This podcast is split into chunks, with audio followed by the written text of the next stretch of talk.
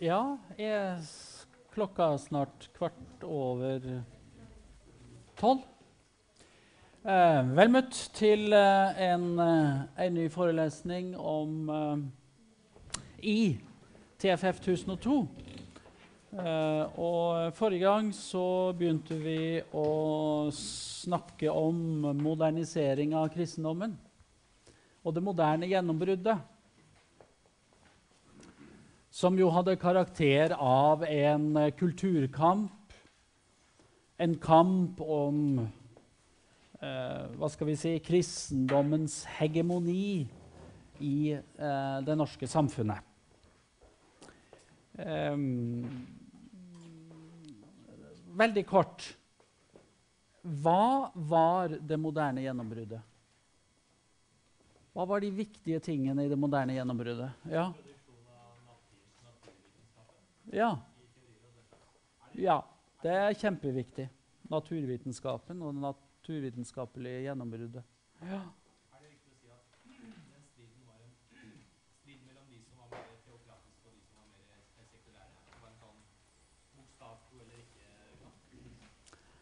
Ja, det, det er klart at det var, det var, en, det var en strid mellom, mellom på den ene siden det man gjerne kalte den nye kultur, eller den moderne kultur, og eh, en mer konservativ kristendomsholdning som holdt, holdt fast på en mer sånn ortodoks eh, kristen, kristen forståelse. Eh, gjerne knytta til en mer sånn fundamentalistisk bibelforståelse. Eh, det er helt riktig. Ja? Altså, ja. um, er det noen grunn til at man bruker det istedenfor opplysningstiden? Er det to, er det, Ja, det er noe helt forskjellig. Eh, opplysningstiden er en epoke som går tilbake til 1700-tallet. Mm. Mens det moderne gjennombrudd altså Det er klart at, at det har noe av opplysningens eh, tid i seg, men det er en helt forskjellig tidsepoke. Eh, så det er viktig å ikke blande sammen det. Ja. Ehm, hvem var de viktigste agentene for det moderne gjennombrudd eh, i Norge eh, på slutten av 1800-tallet? Hvem var det som Ja, Åndseliten. ja åndseliten. Det var jo da Bjørnstjerne Bjørnson. Ja, Bjørnstjerne var viktig. Og Bjørnstjerne han ja, født i 1832, tror jeg, 1910, og hadde sin største produksjon sånn som ca. fra 1850-60, da han startet med bomberomatikken, Mm, så skifta han veldig fort leite, mm, og ble en veldig viktig, viktig person for demokratiseringsprosessen. mm, Uh, mm. Og en viktig religionskritiker. Ja. Uh, og var på mange måter en av hovedagentene for, uh, for moderne gjennombrudd. Hva kan vi si mer sånn generelt om hvem de andre agentene var? Ja, ja. Ja, ja, ja. Jo, jo, jo, men det er riktig, det. Ja, ja, ja, ja, ja. Eh, og, og selvfølgelig også andre forfattere i tillegg til Bjørnstjerne Bjørnson. Eh, du har jo eh, Ja. Ja. Og du har jo Ibsen. Du har Kielland. Du har Arne Garborg, ikke sant? Eh, som var viktige, eh, viktige, viktige personer i dette. Hvordan kom så kirken til oss, og kristendommen, hvordan kom kirken til å svare på eh, det moderne gjennombrudd? Hva, hva, hva gjorde man? Husker dere det? Ja? Ja?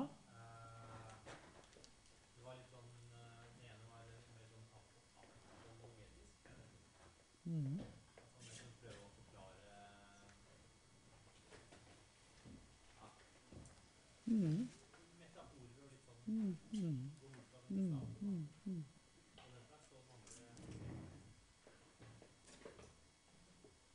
Ja.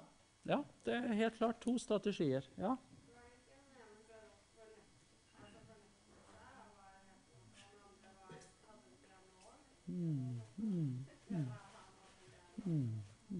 Ja. Total avvisning?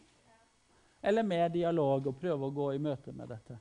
Ja, det er helt riktig. Men hovedstrategien som kirka kom til å følge, det var jo strategien om eh, å avvise dette. Eh, den strategien som da presten J.C. Høek i særlig grad fulgte. Vet han strenge han presten, han strenge presten, som sa fy, det her vil vi ikke ha noe av. Eh, men konsekvensen av det ble jo at kirkens forhold til den moderne kulturen ble svært problematisk, og det utvikla seg i stadig sterkere kløft mellom kirken og den moderne kulturen. Og det endte jo egentlig med at kirken og kristendommen kom på defensiven i forhold til de nye, den nye kulturen og de nye tankene som gjorde seg gjeldende. Nå skal vi gå videre uh, og snakke litt om religionsvitenskapen og teologiens modernisering. Uh, som vi var inne på i går, så kom jo mye av de nye tankene også innenfor bibelvitenskap. Det kom jo fra Tyskland. Tyskland var jo hovedlandet. var jo vitenskapens hovedland på mange måter. Og eh, nordmenn som drev innenfor akademia og ellers, de, eh, de, reiste jo gjerne til Tyskland, og det var der de fikk sin inspirasjon. Det var tyske bøker de leste. Eh, og eh, moderniseringa av teologien begynte jo tidlig. Dette at vi får som vi var inne på sist, en, en, en historisk, kritisk eh, tenkning og forståelse av, og tilnærming til hellige skrifter, f.eks. Um, eh, og dette når altså relativt seint til Norge. Det er viktig å understreke det. Uh, som vi var inne på i går, Bjørnson, som jo ikke var fagmann, egentlig, men han er likevel den som var den første som egentlig gjorde denne nye, denne nye bibelvitenskapen og denne nye tenkninga eh, kjent for et publikum i Norge. Det var altså ikke teologene, det var ikke universitetsfolkene som gjorde det. Men det var altså lekmannen, kan vi si, eh, Bjørnstjerne Bjørnson, som var først ute. Men etter hvert så skjer det jo også en modernisering av teologien innenfor universitetet. Og den skjer eh, først og fremst eh, fra 1890-årene av og fremover. Og det skal vi snakke litt om nå. Det vi gjerne kan kalle for den moderne teologien og den moderne teologiens gjennombrudd. Et annet ord for moderne teologi er liberalteologi. Hvorfor tror dere at det heter liberalteologi? Det er jo litt sånn på navnet, da. Ja. Du, nå skal jeg si deg én ting. Du skal aldri bruke det ordet du skal definere i en definisjon. Nei da. Litt løsere teologi? Ja. Det er ikke så lett. Nei, men jeg skjønner veldig godt hva du mener. Ja. Uh, og denne liberalteologien, som da gjerne blir brukt som en kontrast til hva er kontrasten? Hva er motsatsen til liberalteologi? Konservativ teologi. Liberal, konservativ. Ja. Uh, og, det, det ut, uh, og, hva er den moderne teologiens store prosjekt? Jo, den moderne teologiens prosjekt er at man vil skape en syntese av kristendom og moderne kultur. Altså, det er jo egentlig den dialogen som Petersen i sin tid hadde begynt eh, som man nå for alvor tar konsekvensene av. Og hans disipler de blir eh, liberalteologer, eller moderne teologer, men sammenlignet med Tyskland i en ganske sånn moderat form. De er ikke samfunnsstormere, eller eh, noen av dem egentlig. De er ganske eh, forsiktige i Norge, egentlig. Men denne liberalteologien den har altså sitt opphav i Tyskland og innenfor tysk protestantisme, slik jeg har vært inne på. Uh, og viktigheten er av at uh, man ville vise kristendommens relevans for det moderne mennesket ved å ta hensyn til naturvitenskapens verdensbilde og den historiske bibelforskninga. Man ville, man ville så, altså, det er jeg har på nesten å si liberalteologien er egentlig et redningsprosjekt i forhold til den kristne tro eh, i en situasjon hvor den kristne tro blir utsatt, eller kristendommen i det hele tatt, blir utsatt for eh, stormangrep fra mange hold. Man ville, man ville, så å si berge den kristne troa for det moderne mennesket. Det er egentlig det store prosjektet.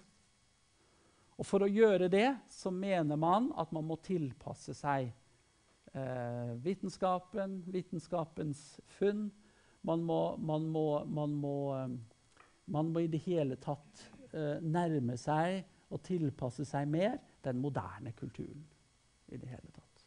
Det er, det er det store prosjektet til den moderne teologi. Så ligger det jo selvfølgelig implisitt i dette at den moderne teologi bruker de moderne eh, vitenskapelige hjelpemidlene eh, på Bibelen, på historien og i det hele tatt. Altså man, man, man, man bruker, bruker eh, den moderne bibelforskning eh, og tar, altså tar den i bruk. Og de nye synene, de nye sy, syene, de nye resultatene fra denne bibelforskninga, den gjøres nå for alvor gjeldende i Norge. Men det er altså ikke først, blant teologene så er det altså først i 1890-årene. Det er ganske interessant. Og dette fører jo til et svært rabalder. ikke sant? Det blir jo strid eh, rundt disse tingene. Fordi eh, den pietistisk-ortodokse eh, retninga i Norge står veldig sterkt og motsetter seg eh, på mange måter dette. Eh, var det noen som hadde opp hånda, som er nå oversatt i all min, i all min prating? Nei. Du må bare skrike ut hvis det var noe. Um, som vi har vært inne på, den var blitt tidlig formidlet av Bjørnson og andre, men kommer da i en vitenskapelig form fra 1890-årene ved TF. Og det skjer etter et viktig generasjonsskifte av teologer. Ja.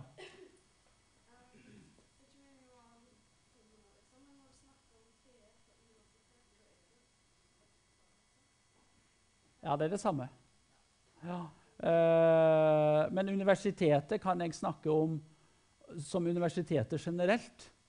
Men TF da er det spesifikt. Da er det Det teologiske fakultet. Ja. Så jeg prøver å skille med det. Altså Universitetet, da er det hele universitetet. Mens TF, da er det Det teologiske fakultet. Ja.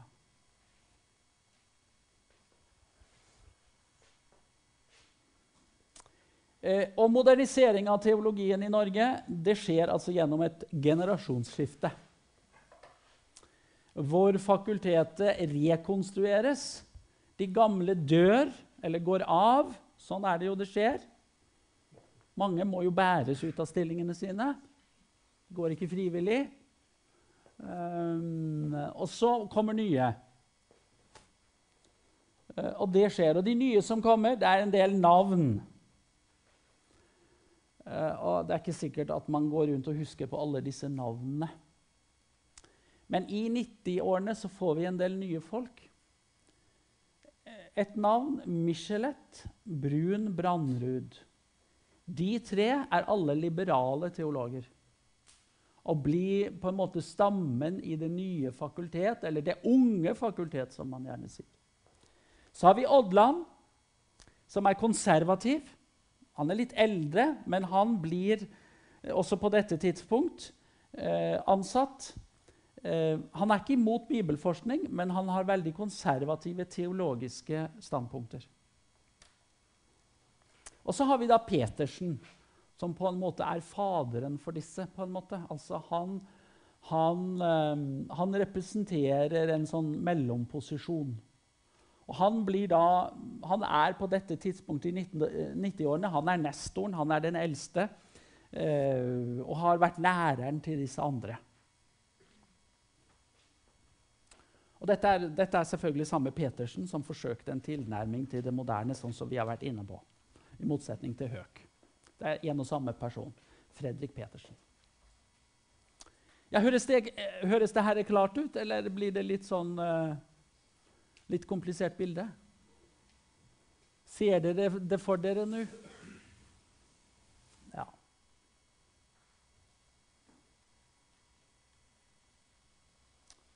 Uh, nei, jeg skal, ikke begynne, jeg skal ikke fortsette der. Jeg skal si litt mer om det som står der. Michelet Simon Michelet het han. Og han var eh, såkalt eh, gammeltestamentler. Dvs. Si at han jobba med Det gamle testamentet. Og du vet, Mye av bibelforskninga i Tyskland handla om Det gamle testamentet. Og ikke minst dette med å utskille ulike kilder i Det gamle testamentet. Gammel forståelse, gammel forståelse av Det gamle testamentet var omtrent som så. Moses hadde skrevet Mosebøkene. Moses var forfatter av Mosebøkene. Eh, men så kommer den moderne forskningen og sier at det er helt umulig. Moses kan ikke ha vært eh, forfatter av Mosebøkene. For når vi begynner å analysere disse kildene, så ser vi at det er ulike kilder som er bakgrunnen for Mosebøkene. Mosebøkene er ikke noe helhetlige verk. De er så å si komponert eller satt sammen av ulike kilder. Og sånn går man igjennom ikke sant? og foretar sånn, nærmest en sånn kildeanalyse av, uh, av, av, de gamle testamentlige bøkene. Og så får man inn ikke sant, uh, ulike perspektiver på dette. Og, han, og, og Michelet han gjennomfører denne moderne metoden. Og han er den første som gjør det vitenskapelig hos oss.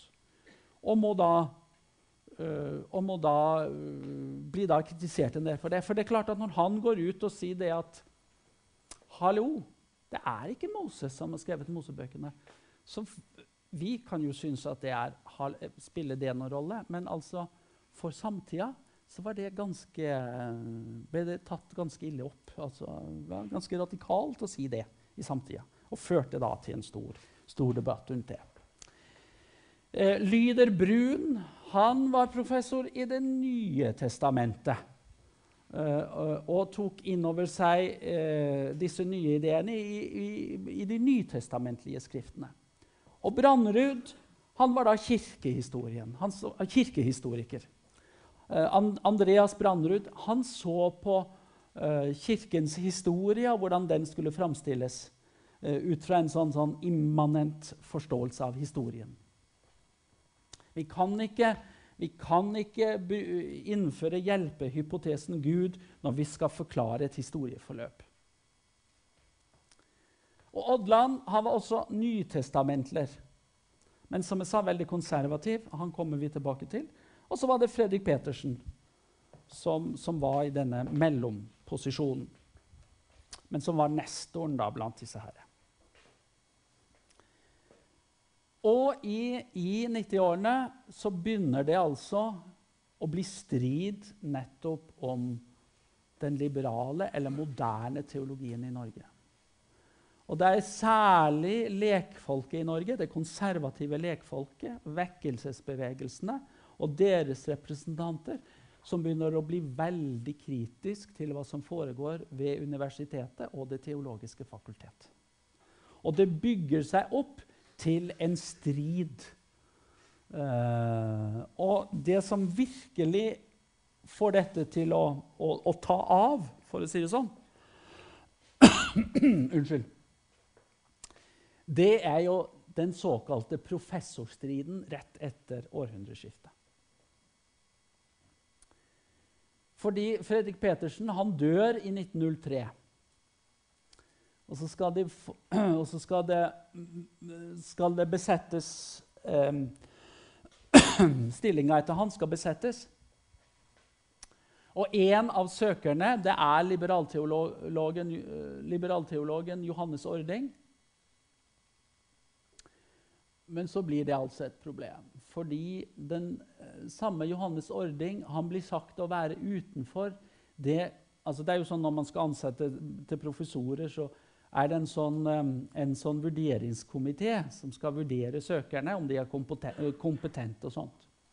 Og Komiteen kom da fram til at, at Ording han var nok faglig sett den som var best kvalifisert. Han hadde mest faglige meritter i bagasjen. Men problemet med han var at han, mente komiteen, sto utenfor det de kalte den konfesjonelle grunntypen, som måtte være til stede for at eh, Ording kunne være eh, lærer ved Teologisk fakultet. Og husk nå på det at Det teologiske fakultet den gang var først og sist en presteutdanningsinstitusjon. Alle som gikk der, skulle bli prester i Den norske kirke. Og da tenkte man at for å bli prester i Den norske kirke, ja, så må de jo ha kunnskap om det som er læren i Den norske kirke. Og da kan vi ikke ha en liberalteolog som kanskje fornekter deler av denne læra. Og hva var problemet med Mording? Jo, de mente at problemet var at han hadde en symbolsk nattverdforståelse. Og da er neste spørsmål hva i all verden er symbolsk nattverdforståelse? Hva betyr symbolsk nattverdforståelse? Ja.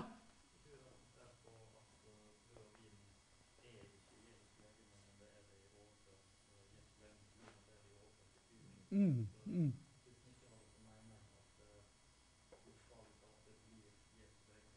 Mm. Mm. Mm. Ja, det er helt riktig. Altså han, den er symbolsk, altså den er i overført betydning. Uh, på den måten at han sier at uh, og, og, det, og, det, gjør jo nattverden primært som, som e, e, et minnemåltid. Ja? Så var alle andre? Nei. Er det ikke bare de som tror at det er bokstavelig? Uh, nei.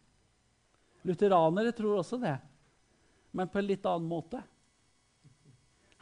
Dette, dette er vanskelig. Hva er for, nå må vi ta det. Hva er forskjellen på en katolsk nattverdsforståelse og en luthersk nattverd, eller klassisk luthersk nattverdsforståelse? Hva er de felles om? Hva er de felles om? Hva er de enige om? At det er Jesu legeme og blod. Og hva kaller vi det? Det kaller vi realpresens. Ja, nå flyr ordene gjennom luften her, altså. Realpresens. Altså at det er til stede i brød og vin. Det er begge enige om. Er det et begrep som bare brukes om det? Ja. ja, stort sett. Ja, jeg har ikke hørt det i så mange andre sammenhenger heller. Ja, Hvordan går det med realpresensen i dag? Nei da. Ja, ja. ja. Å, jeg trodde jeg var så slank at du så Der ser du, altså. Man kan uh, overvurdere seg selv. Ja ja, sånn er det. Nei, men det er greit. Jeg har flytta meg, jeg. Um, ja, så realpresensen er man enige om. Uh, men um, likevel på en annen måte. Fordi det katolikkene de sier, sier altså De står for en trans... Nå, nå blir det masse rare ord her. Transsubstansiasjonslære. Transsubstansiasjonslære. Det vil si at de hevder at substansen brød og vin forandres reelt sett. Det skjer en forvandling av nattverdelementene, slik at de substansielt blir Jesu legeme og blod. Det er transsubstansiasjon. Mens det Luther, klassisk lutherske standpunktet kalles gjerne for en konsubstansiasjonslære. Det vil si at de blir, eh, de, de, de blir eh, Jesu legeme og blod, men beholder samtidig sin substans eh, som eh, brød og vin. Ja? ja, det er teologer, skjønner du. Det er veldig subtilt, men, eh, men sånn er det. Ja, slik at, slik at og, og lutheranerne er veldig opptatt av å si at det er Jesu, det er Jesu legeme og blod, men det er knyttet til nattværmåltidet. Og de beholder samtidig sine egenskaper av brød og vin, og er brød og vin også når, når nattværmåltidet er over. Og Det gjør også en litt sånn endring i forståelsen. fordi at dere har sikkert sett at katolikkene er veldig opptatt av å ta vare på eh, brødet og vinen etter at gudstjenesten er over. De har det til og med i sånne egne skap eh, som heter sånn såkalt monstrans. ikke sant? Og, og det brenner ofte et lys i forbindelse med monstransen. ikke sant? Nettopp for å ære, vise ærefrykt til Jesu legeme og blod. Altså det, man hevder at det skjer en reell forvandling. Men det som er Ja? Men hva var det? Nå har jeg glemt hva det var han sa. Men han, han, han hevda ikke et klassisk luthersk standpunkt engang. Han. han sa at dette bare var symboler. På Jesu legeme og blod. Det var ikke noe annet enn brød og vin, men det var symboler som vi oppfatter symbolsk når vi går til nattverd. Primært er det et minnemåltid, for vi skal minnes Jesus. Ja.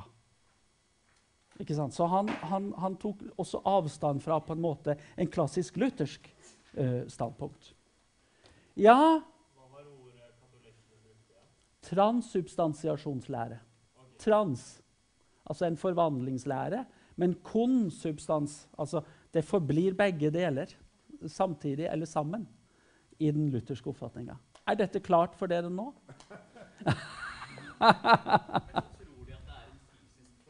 Ja. Ja, altså det er det som ligger det er det som hvert fall, Hva de tror eller ikke tror, det vet ikke jeg. Men eh, det er i hvert fall det som ligger i den katolske kirkelæren. Fortsatt i dag anser Ja, ja, ja, ja, ja. ja. ja. Så mens, mens det lutherske er et sted imellom. Eh, var dette litt eh, Ja, dette var litt komplisert, selvfølgelig. Men eh, ja. Ja, ikke sant. Eh, men i hvert fall Han avviste en klassisk luthersk nattverdforståelse. Og spørsmålet var kunne han da utdanne prester som skulle ut og, og bl.a. lære eh, den lutherske nattverdsforståelsen til folk flest. Det var liksom det store spørsmålet. Og dette, kom, dette førte jo til veldig kompliserte forhold. Fordi Da sa komiteen ja, men da kan ikke vi eh, foreslå noen, noen ansatt. Uh, mens flertallet ved Det teologiske fakultet de gikk inn for å utnevne ordning. Det liberale flertall gikk inn for å utnevne ordning. Uh, men det ble ingen, det ble ingen ansettelse uh, fordi, fordi regjeringa eh, vakla i dette spørsmålet. Dere må huske på at En professor den gang ble jo utnevnt av kongen i statsråd. En professor var jo embetsmann, så det skulle jo helt, det skulle jo helt opp til kongen i statsråd for utnevnelse. Og I regjeringa der satt det en kirkestatsråd uh, som vakla i dette spørsmålet, og som hørte ganske mye på han, han der uh, fyren her, Odland. For Odland spilte en viktig rolle i professorstiden. Han ville ikke at Ording skulle ansettes, fordi han mente at han eh, drev med vranglære. Så hva skjer da? Jo, stillinga blir utlyst på nytt. De setter i gang en ny runde.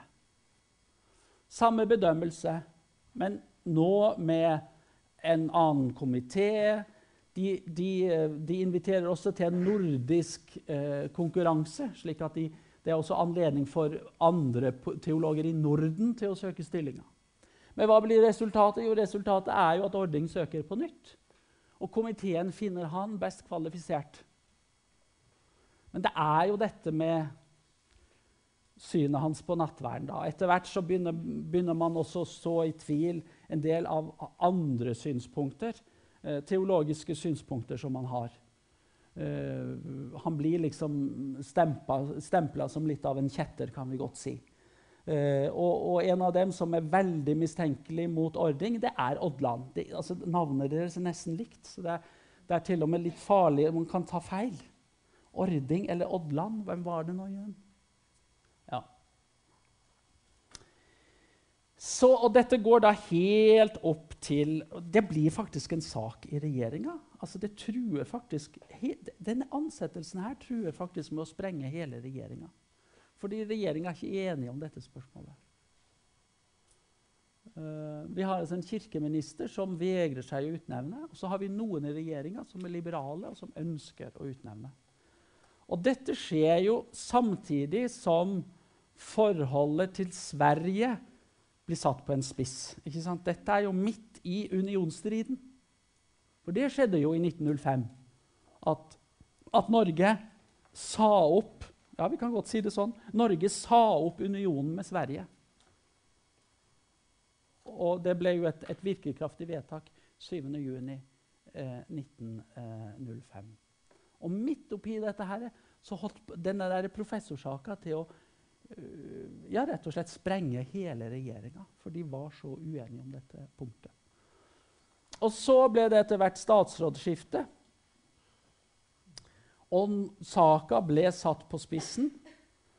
Og da ble det faktisk sånn at kirkestatsråden ble overkjørt i regjeringsmøtet. Ble nedstemt av et flertall i regjeringskollegiet. Eh, og så endte det med at 27.1.1906 så vedtok kongen i statsråd eh, å utnevne Ording til professor. Det fikk to eh, umiddelbare konsekvenser. For det første så gikk kirkestatsråden av. Kirkestatsråden gikk ut av regjeringa pga. sitt nederlag i regjering. Punkt to Ording Nei, unnskyld, nå, nå blander jeg. Odland, som altså var den konservative medlemmen i fakultetet, han sa også opp sin stilling. Han sa opp sin professorstilling eh, ved fakultetet og gikk av. Ja. Og så begynte snøballen å rulle. For disse to gutta her, Odland og Knutsen, som altså kirkestatsråden het, de begynner nå etter hvert å jobbe for å få til en alternativ teologisk utdannelse i Norge.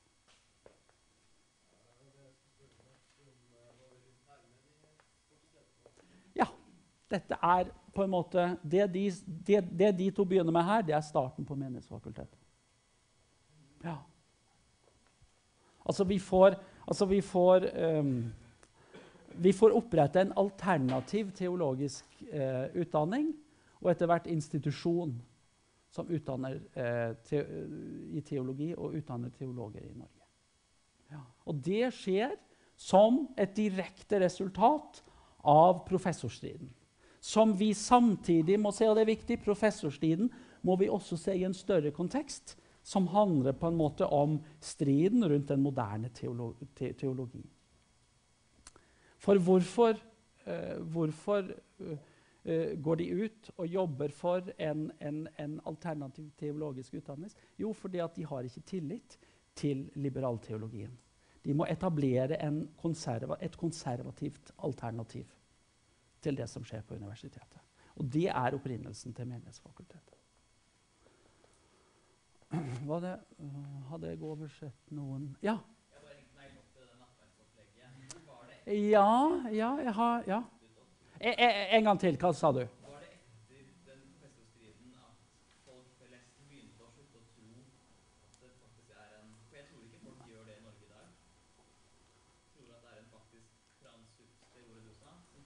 Ja, Det er jo i tilfelle eh, katolikkene som må svare for det. Ja, det andre, da. Ja. eh, nei, jeg tror ikke du kan si det sånn. Eh, men det er klart det var strid om et grunnleggende teologisk spørsmål i, i denne striden. Men jeg tror ikke det for så vidt påvirka så veldig eh, dette som vi snakka om i går, nemlig nattverdfallet. Altså, jeg tror ikke det er mulig å se noen direkte link her. Det, det hadde begynt langt tidligere, og det var knytta til helt andre ting. Nei, ikke det. Nei. Jeg tror ikke de fleste i Norge i dag tror at faktisk biologien blir noe annet enn det det er. Jeg tror ikke de fleste som går i kirka tror det. Jeg tror det er Nei, det, egentlig så burde vi ha laga en spørreundersøkelse på det der. der. Dere har nå- eh, fått en oppgave. Gå ut og spør folk hva de tror. Da har du et, da har du et tema til eh, masteroppgaven din. Så den er herved overgitt. Ja. Det er ikke tvil om at i hvert fall i europeisk katolisme så er fortsatt det begrepet veldig viktig. ja, det er viktig i offisiell kirkelære. Definitivt. Ja da. Ja, ja da. Mm. katolske Ja, altså ja, ja. gikk rett og slett fordi de mislikte at man brukte et vanlig brød som presten Ja, satt under armen og ja, bare brøt. Ja, ja, ja. Og Det er jo også noe av bakgrunnen for at de ikke anerkjenner lutheraneres nattvær. Og ikke, Lutheranere kan jo ikke gå til nattvær i den katolske kirke, og vice versa. Nei. Det er jo en av de spørsmålene i den økumeniske samtalen som er av de mest omstridte. Det er jo akkurat dette med nattverdfellesskapet. Nei, Og det samme gjelder jo kvinnelige prester. Ja. Uh, ja, så det er mange ting her. Uh, det er mange ting vi, vir vi, vi, vi virvler opp nå.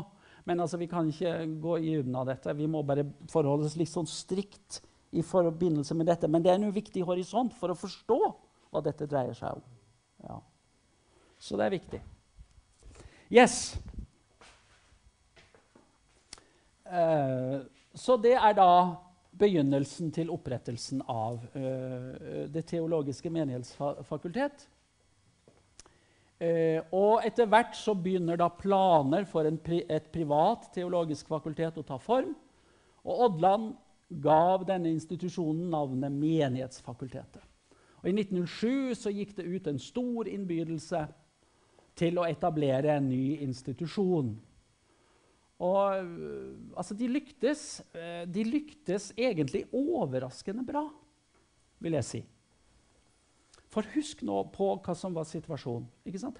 Alle som var prester i Norge på denne tida, var jo blitt utdanna ved universitetet. Og man kan jo tenke seg at det å gå til et skritt og si at vi må ha en alternativ utdanning, og, å, og ikke minst det å si at ja, vi støtter opprettelsen av en slik utdanning, det var jo et skritt å ta. Men det som overrasker, det er at så mange gikk inn faktisk og støttet Menighetsfakultetet. Um, og gjorde at eh, Altså på relativt kort tid Husk, to år etter avgjørelsen i professorstriden så åpner MF dørene, altså. Så det er, det er ganske interessant. Eh, til å begynne med så hadde de jo ikke eksamensrett. De gikk jo bare dit, på forelesningene. De måtte på universitetet og ta eksamen. Og det kunne vi jo skjønne kunne være litt, oppleves som litt problematisk. Ikke på det tidspunktet. Nei, så det var, det var en privat uh, greie. De fikk jo støtte fra staten, men ikke økonomisk. Og det som er interessant, den, den kanskje viktigste støtta de fikk, det var jo da de fikk godkjent eksamensrett etter relativt kort tid, i 1913. Det fikk de altså mot alle instansene, selvfølgelig også mot Universitetet i Kristiania sin vilje. Eh, men kirkestatsråden støttet dette. Så de hadde, de hadde mange allierte. Eh, det er viktig å si. Ja. Men statsstøtte det får de først veldig seint. Så Menighetsfakultetet var privat et privat initiativ som i stor grad ble finansiert av gaver fra eh, det kirkelige lekfolket, menigheten osv. Navnet Menighetsfakultetet var jo, var jo, programmatisk. Hvorfor tror dere at de kalte det Menighetsfakultetet?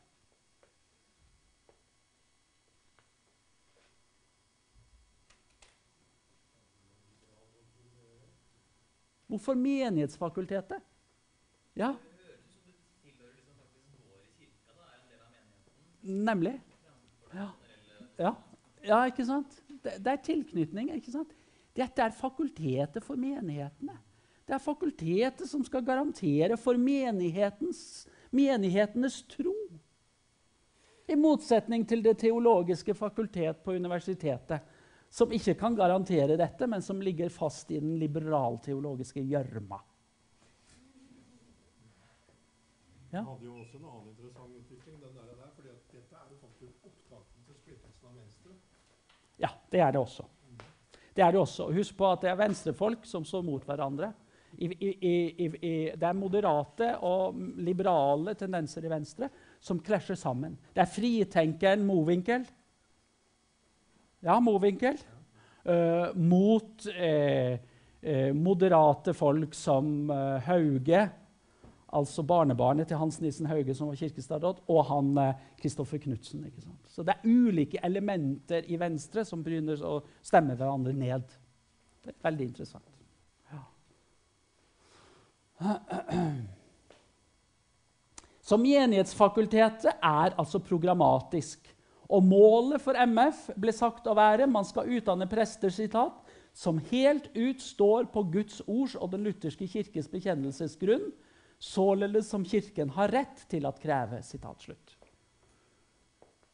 Og Spørsmålet er er det mulig med en moderne, fri forskning ved en slik institusjon.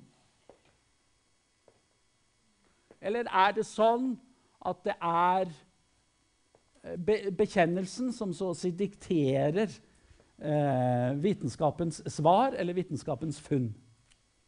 Dette, har jo, dette ble jo reist den gang som en alvorlig kritikk mot Menighetsfakultetet. Sånn.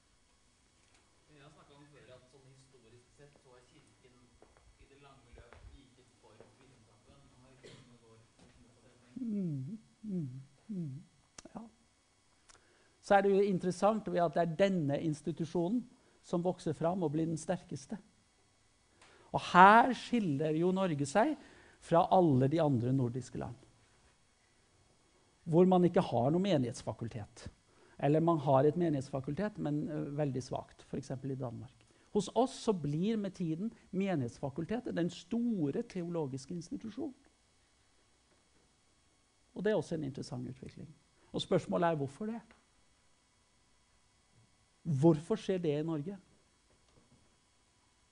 Ja, altså, en viktig grunn er jo den, den styrke som den pietistiske lekmannsbevegelsen har i norsk kirkeliv.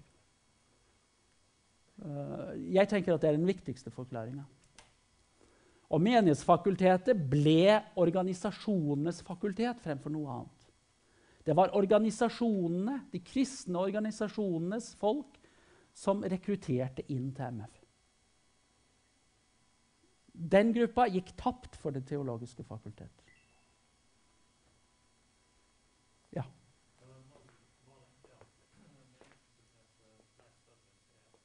Ja, det skal jeg akkurat fortelle deg. Jeg husker ikke akkurat årstallet. Det vil si, jeg tror jeg husker årstallet òg, men la oss nå si at det skjer midt på 20-tallet. Jeg jeg tror det gikk forbi 25 eller 26. Så det er relativt raskt. ikke sant? Og det er igjen den der interessante utviklinga der, at det går ganske fort.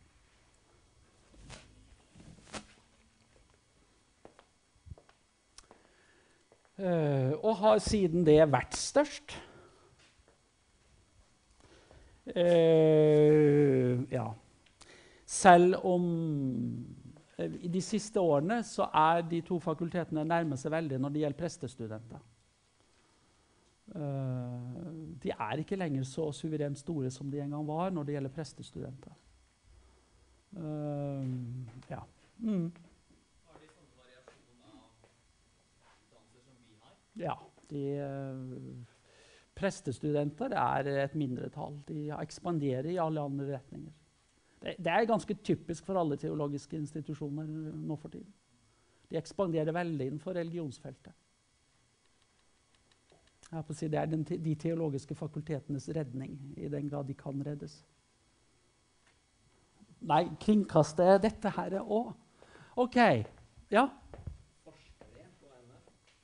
Ja, ja. Ja, ja.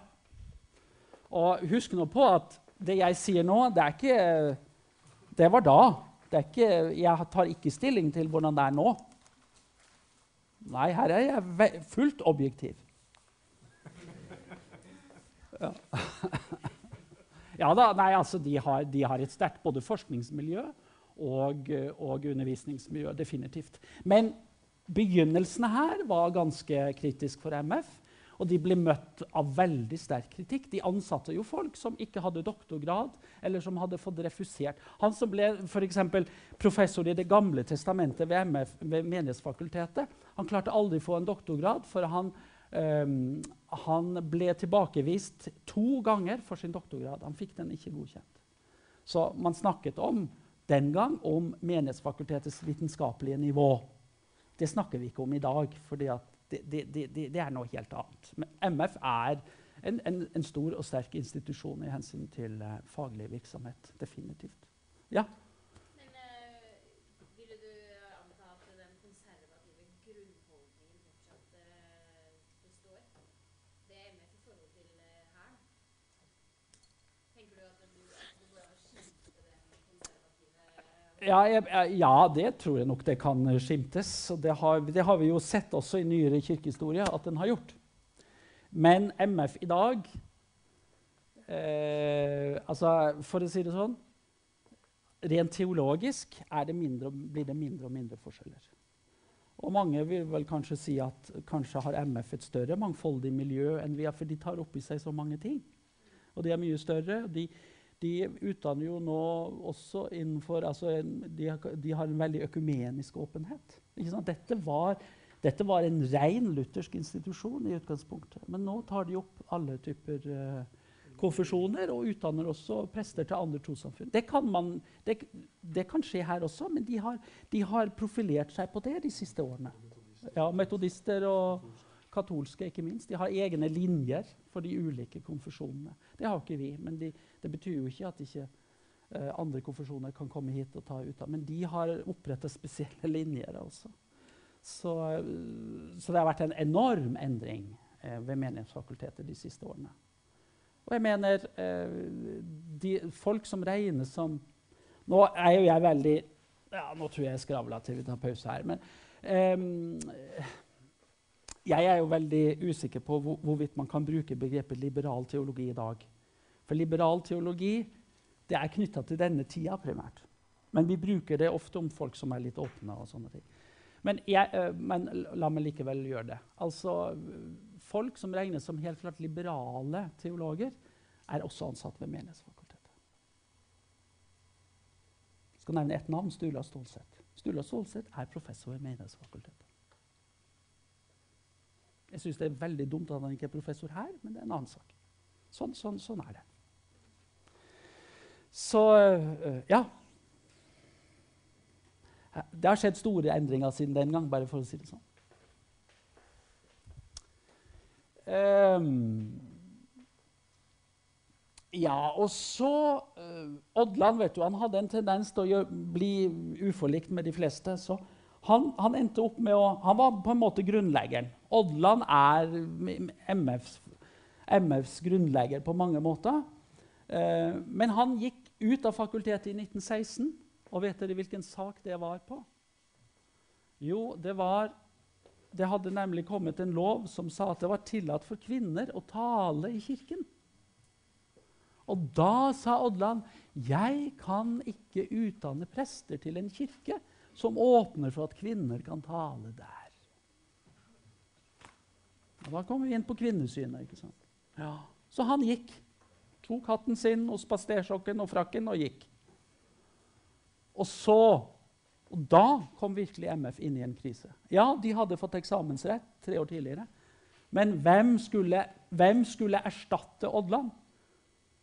Og så venner de seg til en, en mann hvis navn var Ole Hallesby. Han var den gangen en ung mann som drev vekkelsesforkynnelse i Østfold, det fylket hvor han kom fra. Og han så det ut. Han må inn og berge MF. Han vegra seg veldig. Men så gikk han inn på det. Han var utdanna teolog, selvfølgelig. Han var utdanna her. Vi pleier alltid å, å, å, le på det. Må huske på hvor, Halle, hvor, hvor er du utdanna? Jo, jeg er utdanna på samme fakultet som Ole Hallesby.